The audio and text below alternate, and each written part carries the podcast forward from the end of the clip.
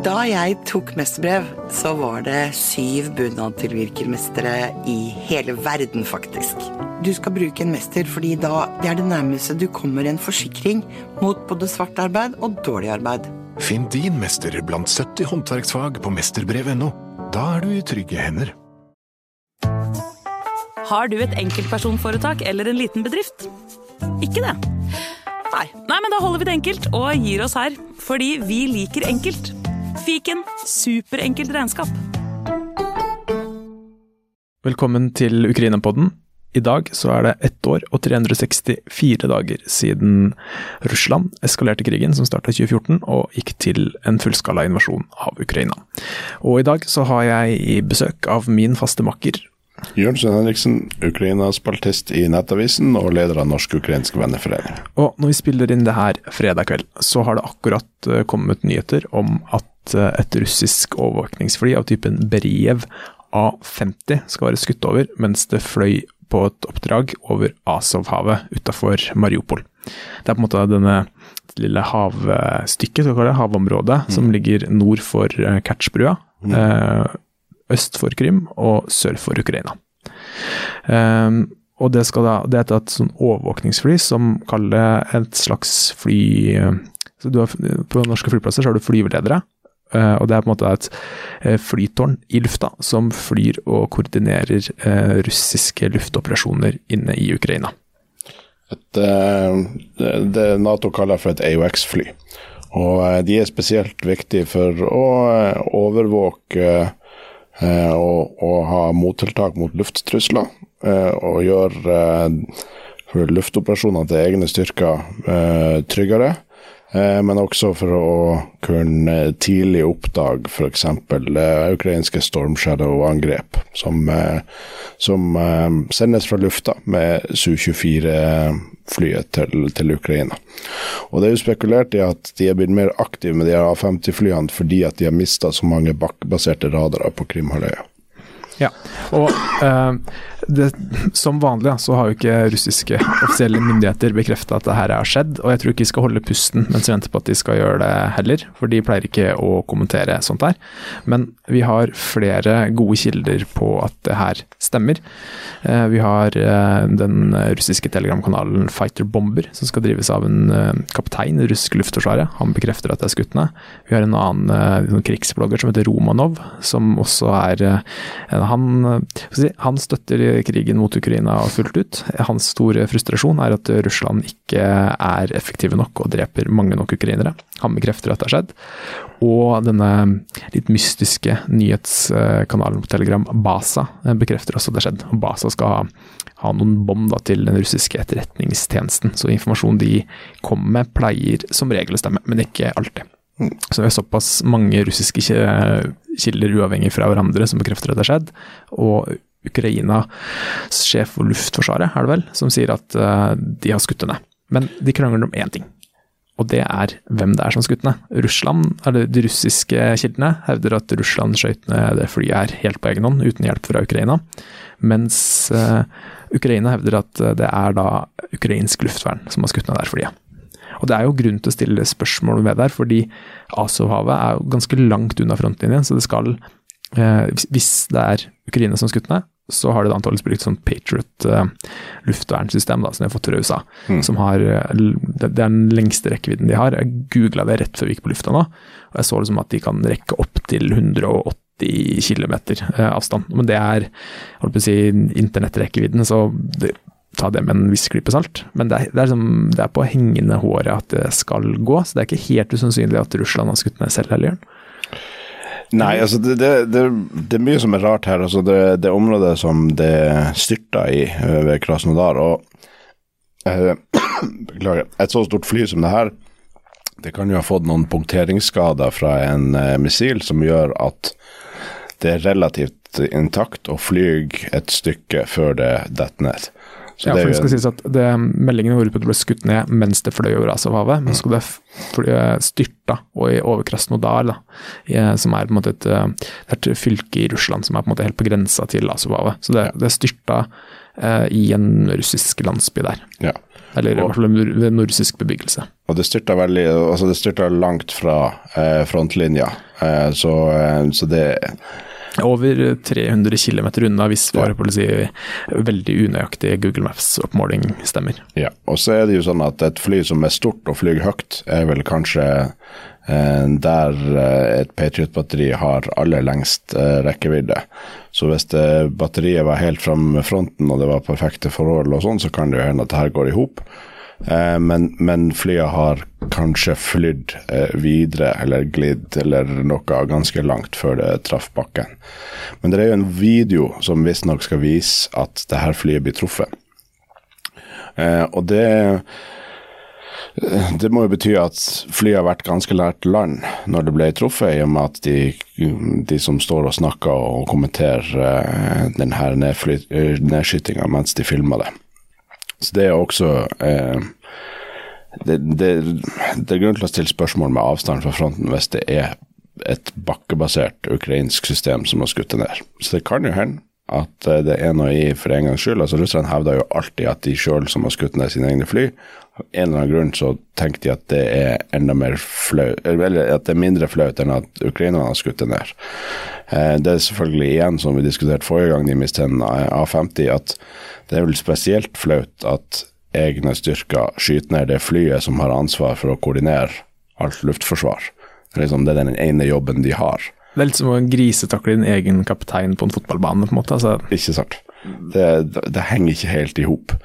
Um, men så er det den videoen, hvis den videoen har noe med denne nedskytinga å gjøre, så driver eh, det her russiske flyet og slipper flares. Eh, og flare er en veldig sterk varmekilde som brukes til å forvirre varmesøkende missiler. Det som er litt spesielt, er jo at eh, varmesøkende missiler er kortdistansemissiler.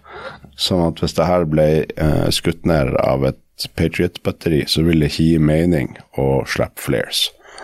Eh, Nå skal vi ikke utelukke at russerne gjør noe som ikke gir mening, så det ene er utelukka, fortsatt ikke det andre. Men, men det er i hvert fall en, en sånn ting som et spørsmål som jeg stiller meg. Så kan det jo være um, Det kan jo også være et, uh, at de ikke vil innrømme det, men det kan jo være et ukrainsk jagerfly. Altså uh, Det er jo ikke utenkelig. Altså, det er usannsynlig, men det er ikke utenkelig at ukrainerne har klart å komme seg inn på russiskkontrollerte områder med et jagerfly, en MiG-29 eller en Su-27. Eller at de har fått mer avanserte vestlige jagerfly uten at det er offentliggjort. Det går jo også an. ja, det, da tenker du på F-16. Og bare for å eh, spore kjapt inn på den F-16-spekulasjonene. Ja. Så siste nytt der var fra i går til i dag, hvor eh, leveransen av F-16 er ytterligere forsinka. Det var jo snakk om at det skulle komme i løpet av våren, sånn april-mai, og nå er eh, det ser ut som det ikke kommer før til sommeren. Sånn juni-juli, kanskje august. Så bare sånn Ja, som er, er tungt deprimerende og frustrerende og, og en skam, eh, hvis det stemmer. Så får vi bare håpe at det er en eh, informasjonskrig-greie, at eh, de ikke ønsker å varsle russerne om, om når F-16 kommer. Um, så, men altså Jeg tror ikke at de har fått vestlige jagerfly, men man kan ikke kategorisk avvise det sånn som russiske fly driver og detter ned akkurat nå. Nei, og så har jeg lyst til å sitere Lars Peder Haga, eh, som jeg intervjua. Han er førsteamanuensis ved Luftkrig, Luftkrigsskolen, eh, og er vel en av de i Norge som kan aller mest om russisk luftmakt. luftmakt. Og eh, så spurte jeg snakka med han, og spurte han liksom, hva han tenker om det her, da. Og så sier han til meg at hvis dette stemmer, er det helt utrolig drøyt. Det er helt ufattelig klønete. Da er det skutt ned i samme område som det forrige flyet av samme type de mistet.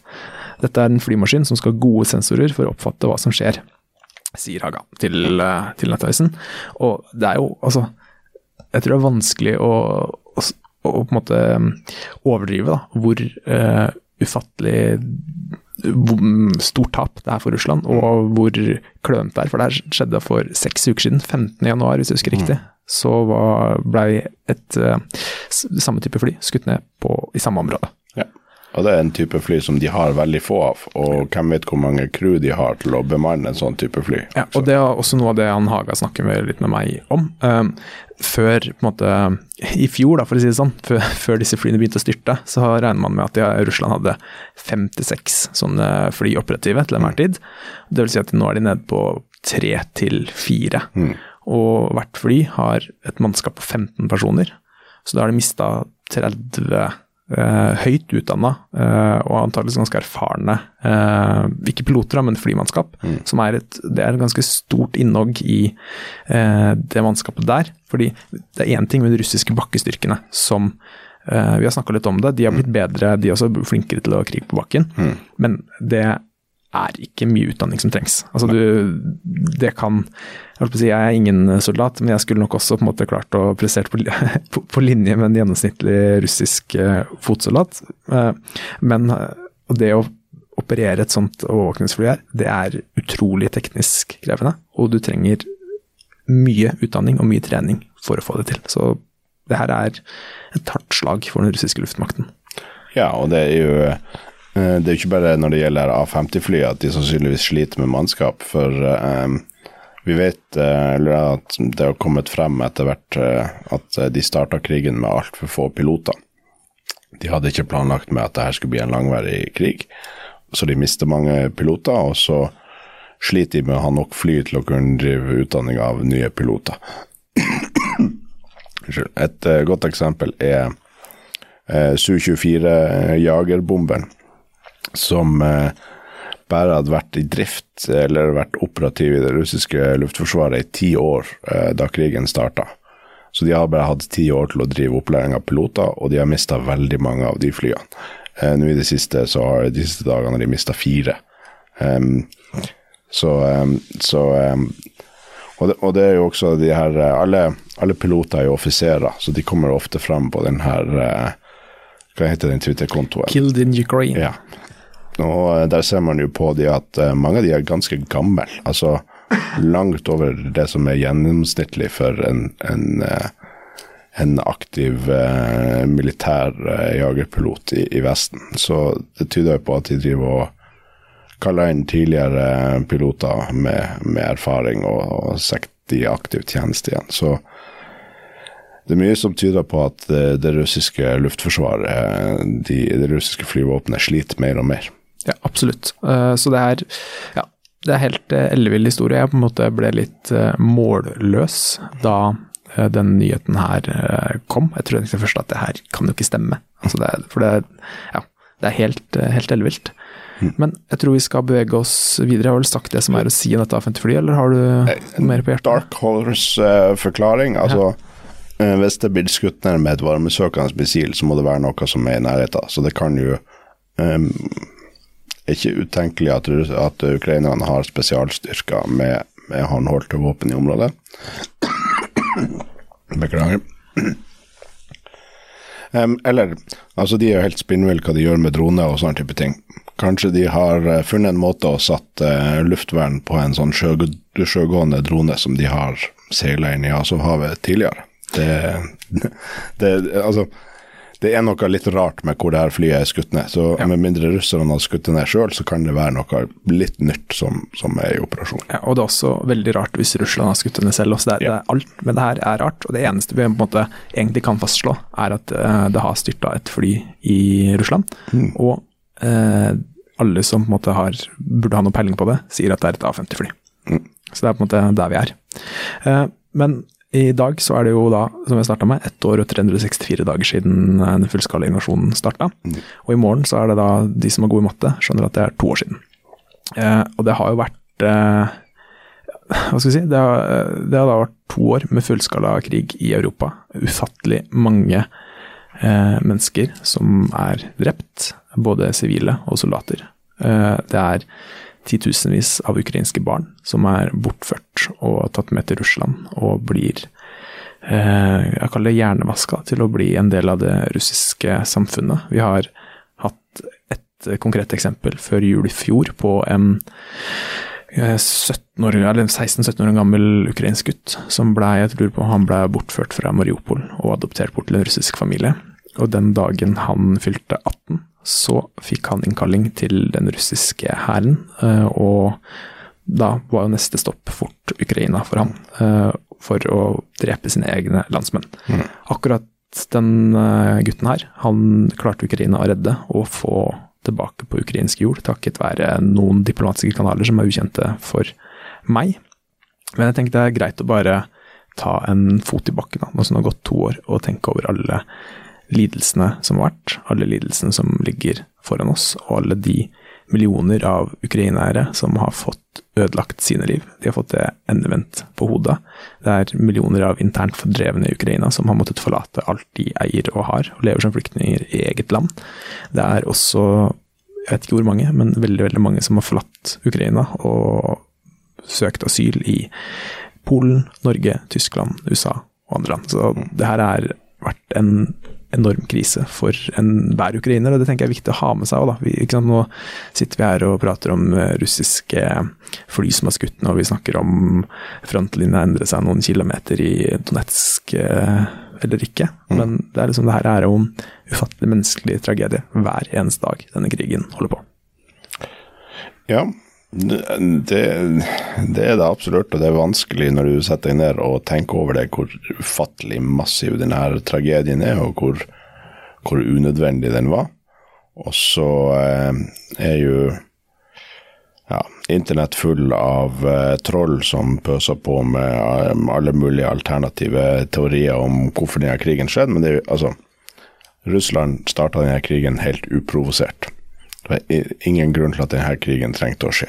Det, det, det er en forbrytelse. En, en enorm forbrytelse. I og med at jeg mener det er veldig gode holdepunkter for at de begår folkemord, så er det på mange måter den største forbrytelsen som er mulig å gjøre. Men eh, jeg husker veldig godt eh, om det var én eller to dager før den fullskala invasjonen, så var det et innslag på, på om det var Dagsrevyen eller Kveldsnytt, men det ligger ute fortsatt, så det går an å gå inn og se. Det, så, var i Kharkiv. Eh, folk som hadde vært på kino eller teater og gikk rundt i gata og, og spiste på gaterestauranter og, og sånn, og bare levd veldig normale liv som folk gjør i en hvilken som helst eh, europeisk by. Og eh, ja, 24 timer senere så var verden snudd på hodet. Så det Jeg tenker det, det, det er gått to år, det er veldig lang tid, og jeg syns det er viktig å markere støtte til Ukraina og til ukrainere i morgen. Eh, Norsk-ukrainsk venneforening og den ukrainske foreninga i Norge har en stor markering her i Oslo foran eh, Stortinget. Det er en støttekonsert som starter klokka 11. Og så er det appeller med flere sentrale politikere, bl.a. utenriksminister Espen Barth Eide klokka 12 foran Stortinget. Men det er over 40 arrangement som vi vet om rundt omkring i hele landet. Eh, hvis du går inn på norsk-ukrainsk med bindestrek.no, så er det en oversikt der over alle arrangementene i Norge. Og da kan du gjerne gå inn og finne ut hva som er i nærheten av deg, eller finne ut hvor du kjenner folk, og invitere folk til å møte opp. For at eh, jeg, jeg syns det er viktig politisk å vise støtte til, eh, til denne kampen nå. og Vi har også mange ukrainske eh, flyktninger i Norge som eh, lever denne krigen hver eneste dag. Eh, og det er også viktig å vise solidaritet med dem. Så jeg oppfordrer alle til å finne et sånt arrangement nær seg, og, og møte opp i morgen. Ja, skal du holde noe tale i morgen, eller? Nei, eh, vi har prioritert eh, folk som er mer interessante enn meg eh, til, å holde, til å holde appell. Men eh, det blir veldig bra foran Stortinget og, og bra ukrainsk musikk også, så jeg eh, oppfordrer alle som er i Oslo-området til å komme i 11-tida i morgen. Hva var det du gjorde 24.2.2022? Da var jeg på Aspmyra sammen med min, eh, mitt eldste barn, og vi så at eh, Bodø-Glimt slo eh, Celtic 2-0 eh, på, på Aspmyra. Det var en eh, veldig morsom kamp, mye bedre enn den kampen jeg så i går. Eh, men eh, men det skjerfet som jeg hadde på meg da, det hadde jeg med meg da vi dro til, til, til Ukraina, og det ga jeg til en eh, eh, sportspub i Lviv som heter Irish eh, Sport... Nei, ja, Irish Pub. Dublin Irish Pub i Lviv. Eh, der hang det masse fotballsjefer rundt omkring i Europa, eh, men også en del militære artikler, for at det, det eh, ja, nå er det en sports-militær pub. Ja, altså når du eh, Lviv eh, er det veldig veldig mange soldater. Mm. hvis jeg skjønte riktig, så er det på en måte dit de drar på perm, blant annet. For det er veldig mange militærbaser i området rundt der.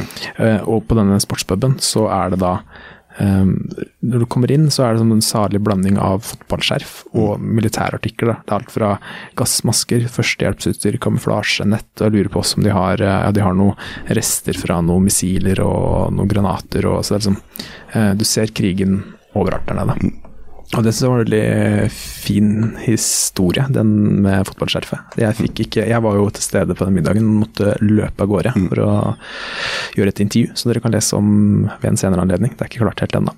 Men eh, ja, veldig veldig fin historie, veldig fin eh, gest. Og fint å tenke på at det nå henger et eh, Bodø-Glimt-skjerf i det, ja, på denne sportspuben. Ja, og de, de ville gjerne at jeg skulle skrive inn eh, skrive, Så det står datoen og sted, altså Aspmyra, og eh, hvor skjerfet var da, da den fullskala invasjonen eh, skjedde. Så hvis noen er innom Lviv og drikker øl på den puben, så kan man sjekke at det, det er mitt Bodø-Glimt-skjerf og ikke et annet Bodø-Glimt-skjerf. så, så, så heng der og se den, den innskrivingen. Send gjerne et bilde av oss, da, til eh, hvis dere er i Lviv og drikker øl på, eller noe annet på denne sportsbaren. Men hvis dere skal dra, så husk en god reiseforsikring. Ja. Og, eh, og last ned eh, Air Alert-appen. Ja, og gjør det på eget ansvar. Vi anbefaler ingen å dra dit, men hvis, hvis dere finne på det, så gjør i hvert fall det. Um, jeg, eh, 24.2.2022, så var jeg i Kirkenes, på Kirkeneskonferansen. Og eh, jeg, som veldig mange andre, tok helt feil av Russland. Eh, jeg var veldig sikre eh, jeg var veldig sikker på at Russland ikke kom til å invadere, fordi det ga ikke noe mening da, og det gir fortsatt ikke noe mening. Eh, og jeg intervjua den russiske ambassadøren til Norge eh, på kvelden 23. februar Nei, jo, 23. februar 2022. Og vi prata, vi hadde en lang prat.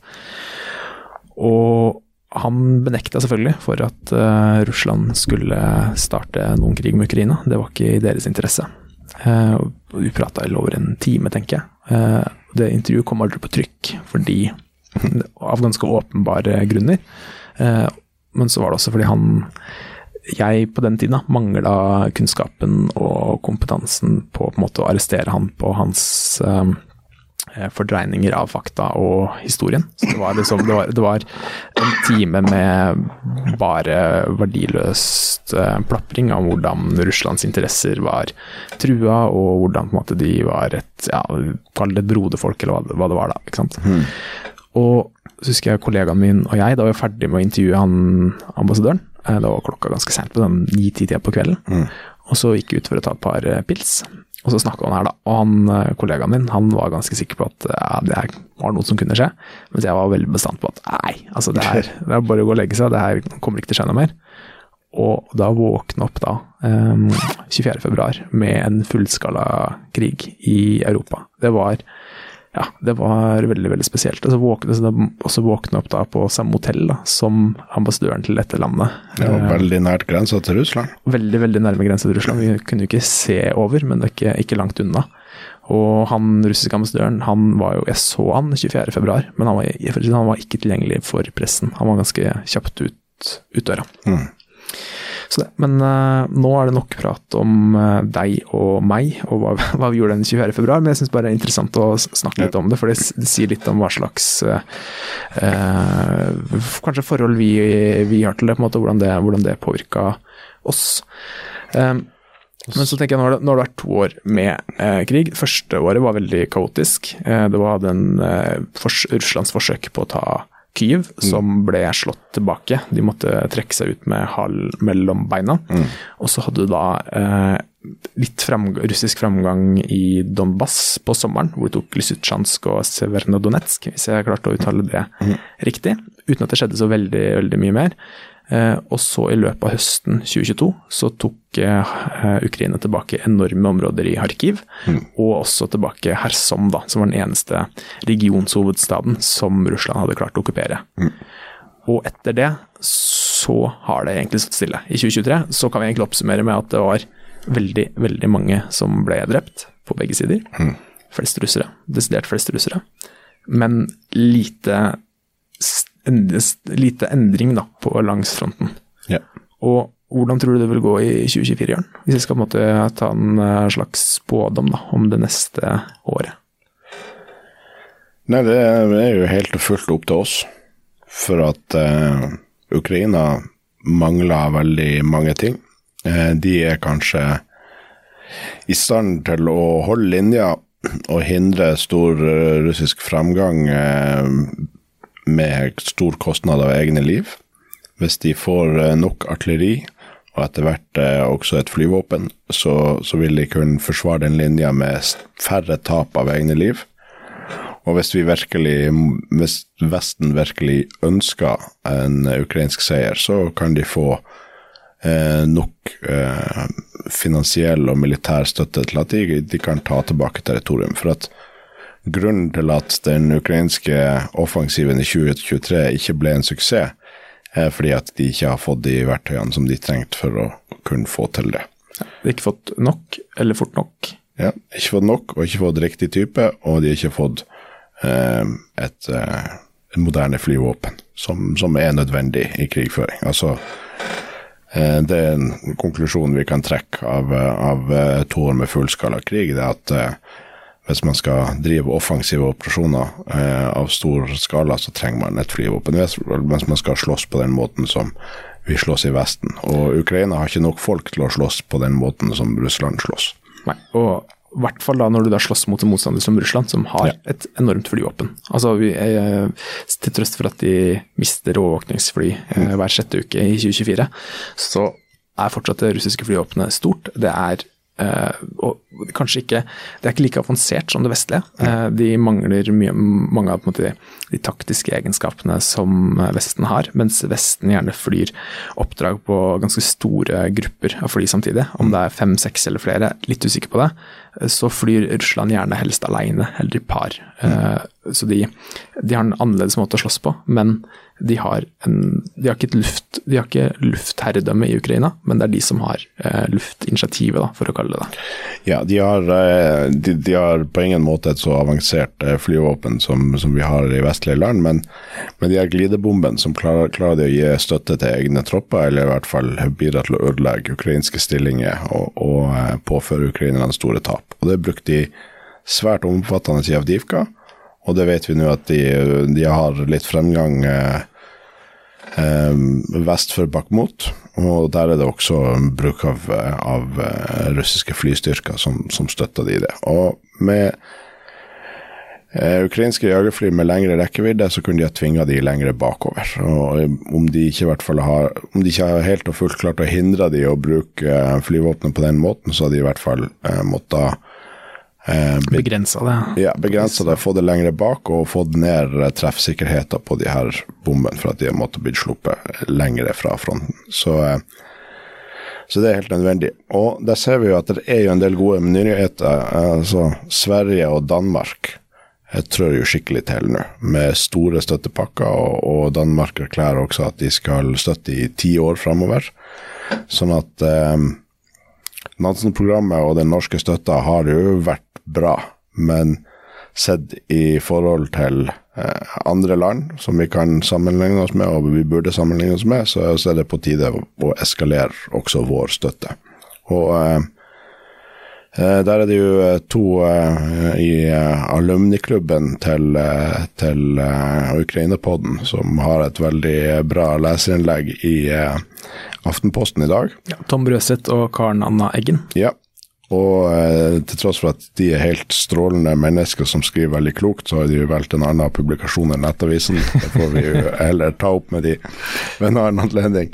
Men de skriver veldig klokt i Aftenposten i dag, eh, og det eh, anbefaler jeg alle å lese, som forklarer hvorfor eh, krigen i Ukraina er så viktig for vår sikkerhet. Og at det har en enorm risiko å tillate Russland å vinne frem. Ikke bare det at de potensielt kan kanskje vinne krigen hvis vi ikke støtter Ukraina, men bare det at russerne får selvtillit og føler sjøl at de vinner krigen. Hvis de erklærer seier med de grensene eller der fronten er nå, så får de en økt motivasjon til å fortsette å bygge sine egne militære styrker og løse alle sine eh, grievances eller irritasjoner eller ting de vil ha løst med, med våpenvakt. Og før eller senere så vil det da eh, sannsynligvis involvere norske soldater. Så eh, det er en veldig, veldig billig investering i vår sikkerhet og drastisk økt støtte til Ukraina. Ja. Og når vi ser nå etter eh, to, med, to, år med fullskala invasjon, og alle flyktningene som har kommet fra Ukraina til Vesten, og da Norge vi, eh, Det norske flyktningmottakssystemet det sliter skikkelig med å håndtere de ukrainske flyktningene, for det har kommet så mange av dem. Men hvis eh, Vesten nå eh, svikter Ukraina, og ikke evner å gi de den hjelpen de ber om og de trenger, og som Vesten har mulighet til å gi hvis, hvis de bestemmer seg for det, mm. så kan du antakeligvis mangedoble dette flyktningantallet. For det er særdeles få ukrainere eh, som kan tenke seg å bo på russisk okkupert territorium. De vil Altså, da du og jeg var i Ukraina, så traff vi for sånn, vi traff ikke én eneste ukrainer som tenkte at ja, om det er på en måte Russland eller Ukraina, det er ikke så farlig. Mm. Altså, de, de, ukrainerne er veldig klare på at det å bo eh, på russisk okkupert jord er helt uaktuelt. Eh, og ikke bare fordi de eh, hater Russland i seg selv, men også fordi det å bo der er helt forferdelig. De blir behandla eh, grusomt. Vi har utallige eksempler på hver eneste gang eh, ukrainske eh, landsbyer og byer blir frigjort fra russiske styrker, så ser vi at det har vært henrettelser av sivile, det har vært tortur, de lever eh, uten rettssikkerhet, uten også helt sånn elementære rettigheter som man må ha for å ha et, eh, i hvert fall et brukbart liv. Ja. Så den flyktningstrømmen som vil komme innover Vest-Europa hvis Ukraina må gi tapt, tror jeg vil bli enorm. Ja, eller eksempel nå nå er ofte Ukraina i, stand til å uh, skyte ned omtrent 80% av de missilene og dronene som, som blir sendt mot Ukraina. Hvis de begynner å gå tom for luftvernmissil, så kan det godt snus på hodet at 80% slipper gjennom. Og Da kan man også begynne å tenke seg hvor mange småbarnsfamilier som er villige til å bli boende nesten uansett hvor i Ukraina, når faren for å bli truffet eh, mens man sover om natta eh, og går drastisk oppover. Så eh, den flyktningkrisa kan, eh, kan eskalere fort hvis vi ikke støtter Ukraina med det vi trenger. Men senere denne måneden, om ikke så veldig mange dager, så er det et nytt jubileum. Det er tiårsjubileet for starten av krigen i 2014. Og eh, da vi var eh, i Kyiv, så var vi jo og gikk på Maidanplassen, og der hang det bilder av eh, alle de ukrainske soldatene som ble drept i den krigen, eh, fram til den fullskala invasjonen. Og det var veldig mange. Eh, så ukrainerne har dødd for friheten sin i ti år nå. Men de som ikke henger der, er eh, de som, som, du var inne på, om, som vi kan snakke om når eh, Altså om hvordan det er å leve på ukrainsk okkupert område. For veldig mange av de menn som ble fanga inne på russiskokkupert område i, etter krigen starta i 2014, har nå under den fullskala invasjonen blitt tvangsmobilisert og brukt eh, som kanonføde mot egne borgere. Ja, og De har blitt da sendt inn i disse luhanske folkerepublikken mm. og sin her, og den folkerepublikken, folkerepublikken i Donetsk sin her. Og i, ja. starten av fullskalainvasjonen så lest, fikk jeg veldig veldig mange meldinger da, om disse LNR- og DNR-hærene mm. som tok store tap. Uh, og de hadde dårligere utstyr, uh, de var dårligere trent og mm. ble sendt først. Altså det var liksom, De ble sendt uh, omtrent for å som lokkemat, omtrent. da. Ja. Fordi de ikke var kalle ekte russere. Mm. Så de var, ikke, de var, ikke, like mye verdt. Og vi leste Vi fikk veldig mange videoer av disse soldatene som klagde på på forholdene, og sa at det her ikke var noe som de an kan overleve. Um, og så har det egentlig helt forsvunnet. Vi har ikke sett noe mer av det. Det mm. siste året, kanskje. Ne. Og det um, Jeg er litt usikker på akkurat hvorfor, jeg har ikke fått noen ekspertuttalelser på det. Men det er jo nærliggende å tenke at det er fordi det ikke finnes så veldig mange igjen av dem. Det er rapporter om at det er veldig få menn i tjenestedyktig alder i de her eh, folkerepublikkene, eller de områdene som har vært okkupert siden 2014. Så det er på en måte en litt sånn ubeskrevet del av eh, krigen er alle de ukrainerne som ufrivillig er mobilisert og drept i Russland sin tjeneste i denne krigen. Ja, det tenker jeg også. Som så mye annet så er det viktig å huske på den delen av krigen, og på en måte de eh, skjulte ukrainske tapene der. Altså det er jo folk som for ti år siden var en del av Ukraina, men som nå på en måte blir, etter ti år med indoktrinering og på en måte innfasing i, i disse såkalte folkerepublikkene, blir tvunget til å slåss mot sitt eget land. Og Så er det sikkert noen av de som eh, tenker at det er helt eh, greit, og som støtter disse folkerepublikkene, men jeg tror ikke vi skal eh, stikke under altså, tror, tror det er vanskelig å forestille seg hvor eh, vanskelig det er å motstå det der, da. Når hele livet ditt, altså hele familien din, eh, alt du eier og har, er i, i Donetsk eller Luhansk eller hvor, hvor, det nå må være, så har du på en måte ikke så veldig mange valg heller, når, eh, når du blir tvangsmobilisert. Nei, det er vanskelig i et sånt totalitært samfunn å, eh, å på en måte hindre det. Og det er jo flere beskrivelser av de her okkuperte områdene som mye mer totalitære enn resten av av russisk-kontrollert område, og sammenligninger med f.eks. Eh, Nord-Korea. Så, eh, så, det er ingen tvil om at eh, det er en del av, av tragedien som, som vi må, må, huske på. Ja. Og hvis jeg får komme med en personlig gjetting, da, hvordan krigen i 2024 vil bli, så er jeg redd for at den vil se ganske lik ut som 2023. Jeg tror ikke vi får se noen store endringer med det første.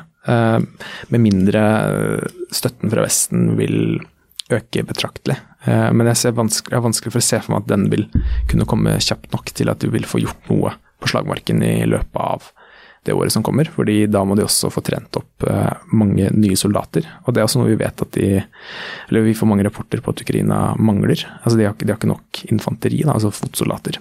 Ja.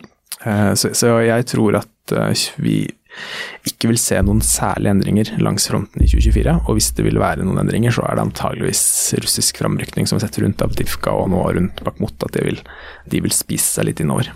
Ja, altså hvis ukrainerne skal komme på offensiven igjen, så vil de trenge mye mer støtte fra Vesten når det gjelder ammunisjon og, og, utstyr. Altså, de øker jo sin egen produksjon, men, eh, men allikevel. Fullskala krig er krever så store ressurser at de må få økt støtte. Akkurat nå får Russland mer støtte av Nord-Korea og Kina enn Ukraina får fra Vesten. Ja, Må ikke glemme Iran. Ja, eh, Iran også. Men så er det jo sånn at det, vi har jo hatt fryktelig mange eksempler på at det er helt umulig å, å spå hva som skjer i neste uke. Eh, det, det kan jo skje helt uventa hendelser. Så hvis det skal skal skje noe drastisk eh, i Ukraina det kommende året, så tror jeg du har rett. Da må de hente fra denne eh, kategorien eh, store uforutsette hendelser. Det var jo Kharkiv-offensiven. Altså, det var ingen som så den komme. Nei, og, men jeg tror det er vanskelig å få til en lignende offensiv nå. for det er på en måte, altså, Russland starta krigen med rundt 180 000 styrker. Nå har de nærmere 500 000 ja. styrker i, i, Ukraina, så det er på en måte ingen De har befesta posisjonen sin ja. mye bedre. Det var skikkelig dårlig forsvart i Kharkiv. Ja, det er ingen åpenbart svake punkter langs fronten. Så jeg tenker mer på en à la sånn Pregosjin sin eh, marsj mot Moskva-type ja. hendelse, eller et kupp, eller at Putin dør, eller at eh, den eh, russiske økonomien kollapser, eller noe sånt. Eller at Putin taper presidentvalget?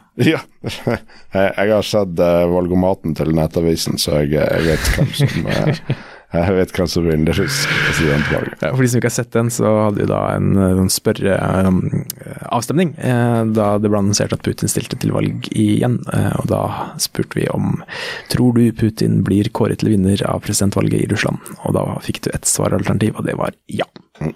Så eh, la vi den Eh, ballen død. Så vi har ikke kommet med noen flere spådommer om eh, Vi har ikke kommet med noen valgprognoser fra Russland, da, for å si det sånn. Det er det, det er ikke den journalistikken vi satser på.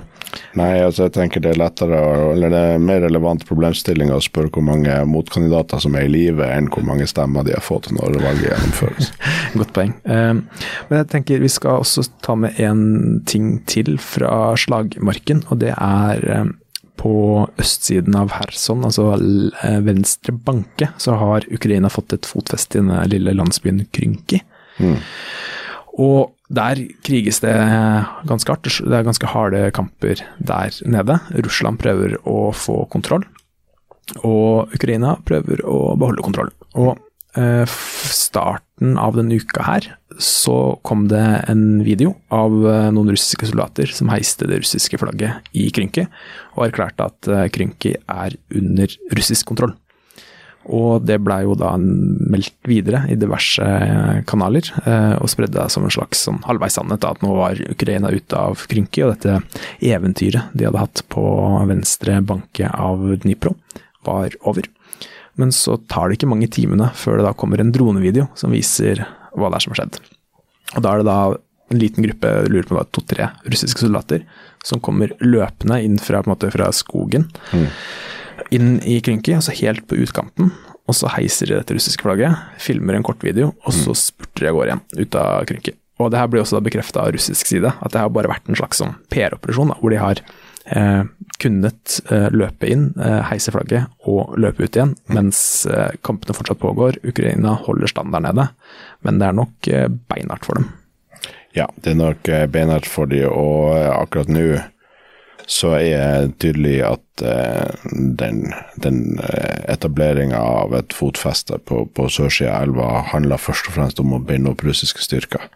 Det er ingenting som tyder på at eh, Ukraina er nært å kunne bryte ut av den lommen og, og tru russiske posisjoner lenger sør. Så akkurat nå så, så binder det opp masse russiske styrker og påfører dem kontinuerlig tap av personell og utstyr når de prøver å kaste ukrainerne ut derifra. Ja, og de russiske krigsbloggerne de var rasende etter den videoen her blei sluppet ut, fordi de mener at det er på en måte å gjøre narr av den ekstremt vanskelige situasjonen som de russiske soldatene har der nede. For de eh, har det heller ikke lett. Eh, så det er bare greit å ha med seg at Ukraina er fortsatt eh, til stede eh, på, på, på, østsiden av Dnipro Her, sånn. Mm. Eh, Russland prøver å kjempe tilbake, og det er harde kamper. Uh, Ukraina kontrollerer ganske lite område, men mm. de har fortsatt uh, tilstedeværelse der. Og det ser ikke ut som de skal trekke seg tilbake med det første. Nei, og så har de jo tilstedeværelse av uh, denne her dronegruppa som Peter Frølich fortalte oss om, Magyar, som er veldig aggressiv og påfører Russland store tap.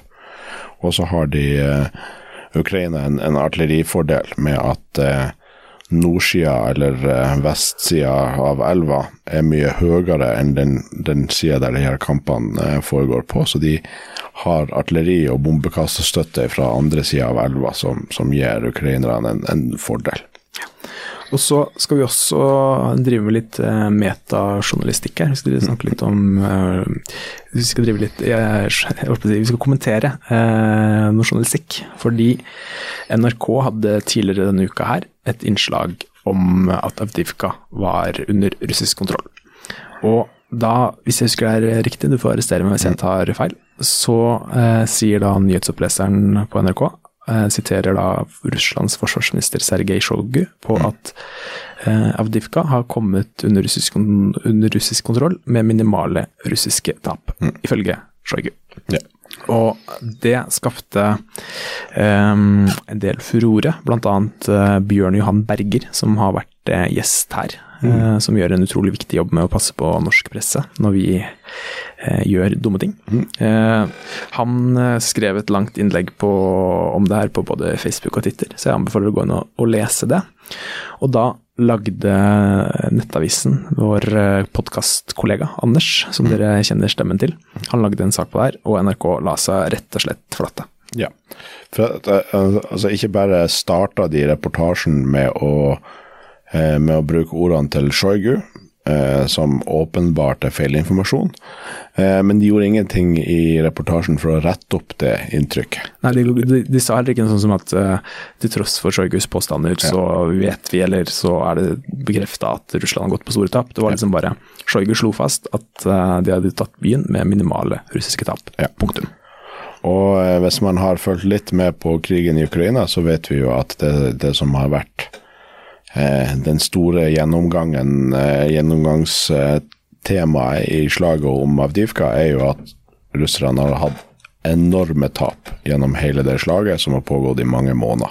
Det holder vel egentlig å google Avdivka, ja. så, du, så, får du det opp på søketreff nummer én, vil jeg tro. Ikke sant. Og hvis, man, eh, hvis NRK har vært ute etter en kilde for å kunne snakke om det, så hadde de helt sikkert kunnet eh, ringt hvem som helst av de vanlige kommentator, ekspertkommentatorene eh, som, som så mye Ukraina i Norge, og de ville kunne ha sagt det. Så eh, slett jobb av NRK, men eh, da vil jeg også si at etter artikkelen til Anders og, og arbeidet til eh, Bjørn Johan, så, så la de seg flat. Og det må man jo respektere. Det er jo veldig positivt at de innså at det der ikke var helt bra. Absolutt, men jeg tenker at det viser hvor viktig den jobben eh, Bjørn gjør.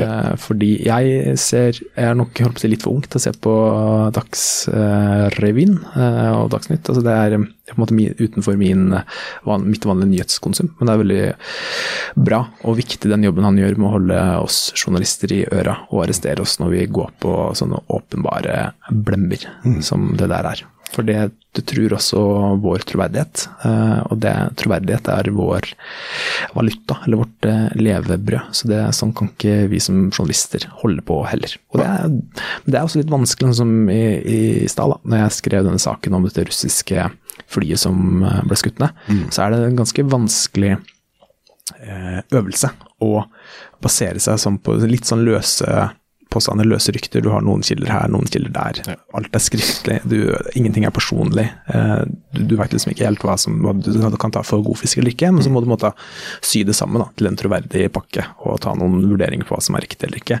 Og så kan ikke det sammenlignes med den NRK, jobben NRK gjorde her. Det er noe, det er noe helt annet. Eh, for her har de tatt eh, forsvarsministeren til et land som er eh, verdenskjent for å ljuge, eh, og bare tatt hans ord for god fisk. Absolutt. Og, men, men den artikkelen som du skrev nå før vi gikk på lufta om en hendelse som akkurat har skjedd, det er noe jeg syns altså syns jo Nettavisen er spesielt god på det, men det er noe som norsk presse har blitt mye flinkere til i løpet av krigen. For at eh, jeg starta å, å skrive litt sånn jevnlige militære oppdateringer på Facebook før jeg ble eh, Nettavisen-skribent, fordi at det var så utrolig treghet i eh, nyheter fra Ukraina. fordi at som journalister så, så følte journalister ofte at de måtte ha bekrefta kilde før de kunne skrive om noe. Og i et sånt tempo som, som eh, moderne krigføring innebærer, og hendelser sånn som det der, så vil det ta veldig lang tid før du har bekrefta kilder, eller to bekrefta kilder, eller noe sånt. Så, så da må du egentlig rapportere ut ifra ja, ta forbehold. At det er mye som tyder på, eller eh, de her kildene peker på at det her kan ha skjedd. Du kan, du kan ikke vente, sitte og vente på at det russiske forsvarsdepartementet skal bekrefte det skuttene. For det er sånn, for det er sånn, du kan ikke holde pusten mens du venter på det, for da Da vil det, tar det i alle fall 48 timer for at du har eh, Og kanskje får du aldri en, en god kilde på det. Nei. Så det, det kan Du må Nei, det går ikke, rett og slett. Men vi kan slå fast at det har vært en, eh, vært en bra uke for uh, alumnigjengen til, eh, til Ukraina-podden. De har bidratt i mange forskjellige retninger, Absolutt. mange av dem. Absolutt. Hvis vi skal tilbake til fronten, så er jo det er mye som tyder på at eh, russerne prøver å utnytte momentumet de har fått gjennom å ha tatt eh, Avdivka, så nå angriper de både Robotyne, eh, som er på sør på Zaporizjzja-fronten, det er området som eh, Ukraina hadde mest fremgang under offensiven sin, og de angriper eh, vest for Bakhmut. Eh, De har ikke hatt eh, stor fremgang noen av plassene, og har hatt store tap av personell og materiell, bl.a. T55-stridsvogner. Um, så ja, de har store tap uten særlig fremgang, men uh, det er jo sånn det er sånn de ulike slagene har vært eh, det siste året. At russerne har uke etter uke, måned etter måned med store tap uten særlig fremgang, før de har kverna Sund, eh, de ukrainske forsvarsstillingene, og til slutt tar et område. Så får vi se hvordan, hvordan det utvikler seg. Men, men ukrainerne har også brukt de siste månedene til å bygge mer omfattende og avanserte forsvarslinjer. Eh, flere av de her plassene. For at eh, de forbereder seg nå på, på eh, å stå imot de, de store russiske styrkene som etter hvert har blitt eh, bygd opp i Ukraina. Ja, og med de ordene der, så tror jeg vi skal avslutte i dag. Um, husk uh, ja, Jørns oppfordring om å møte opp på en Ukraina-demonstrasjon i morgen. Den står seg godt. Um, Og så er det vel egentlig bare å si på gjensyn. Takk for at du lytta, og hvis du har lyttespørsmål, så send de til ukrainapodden krøllalfa nettavisen.no.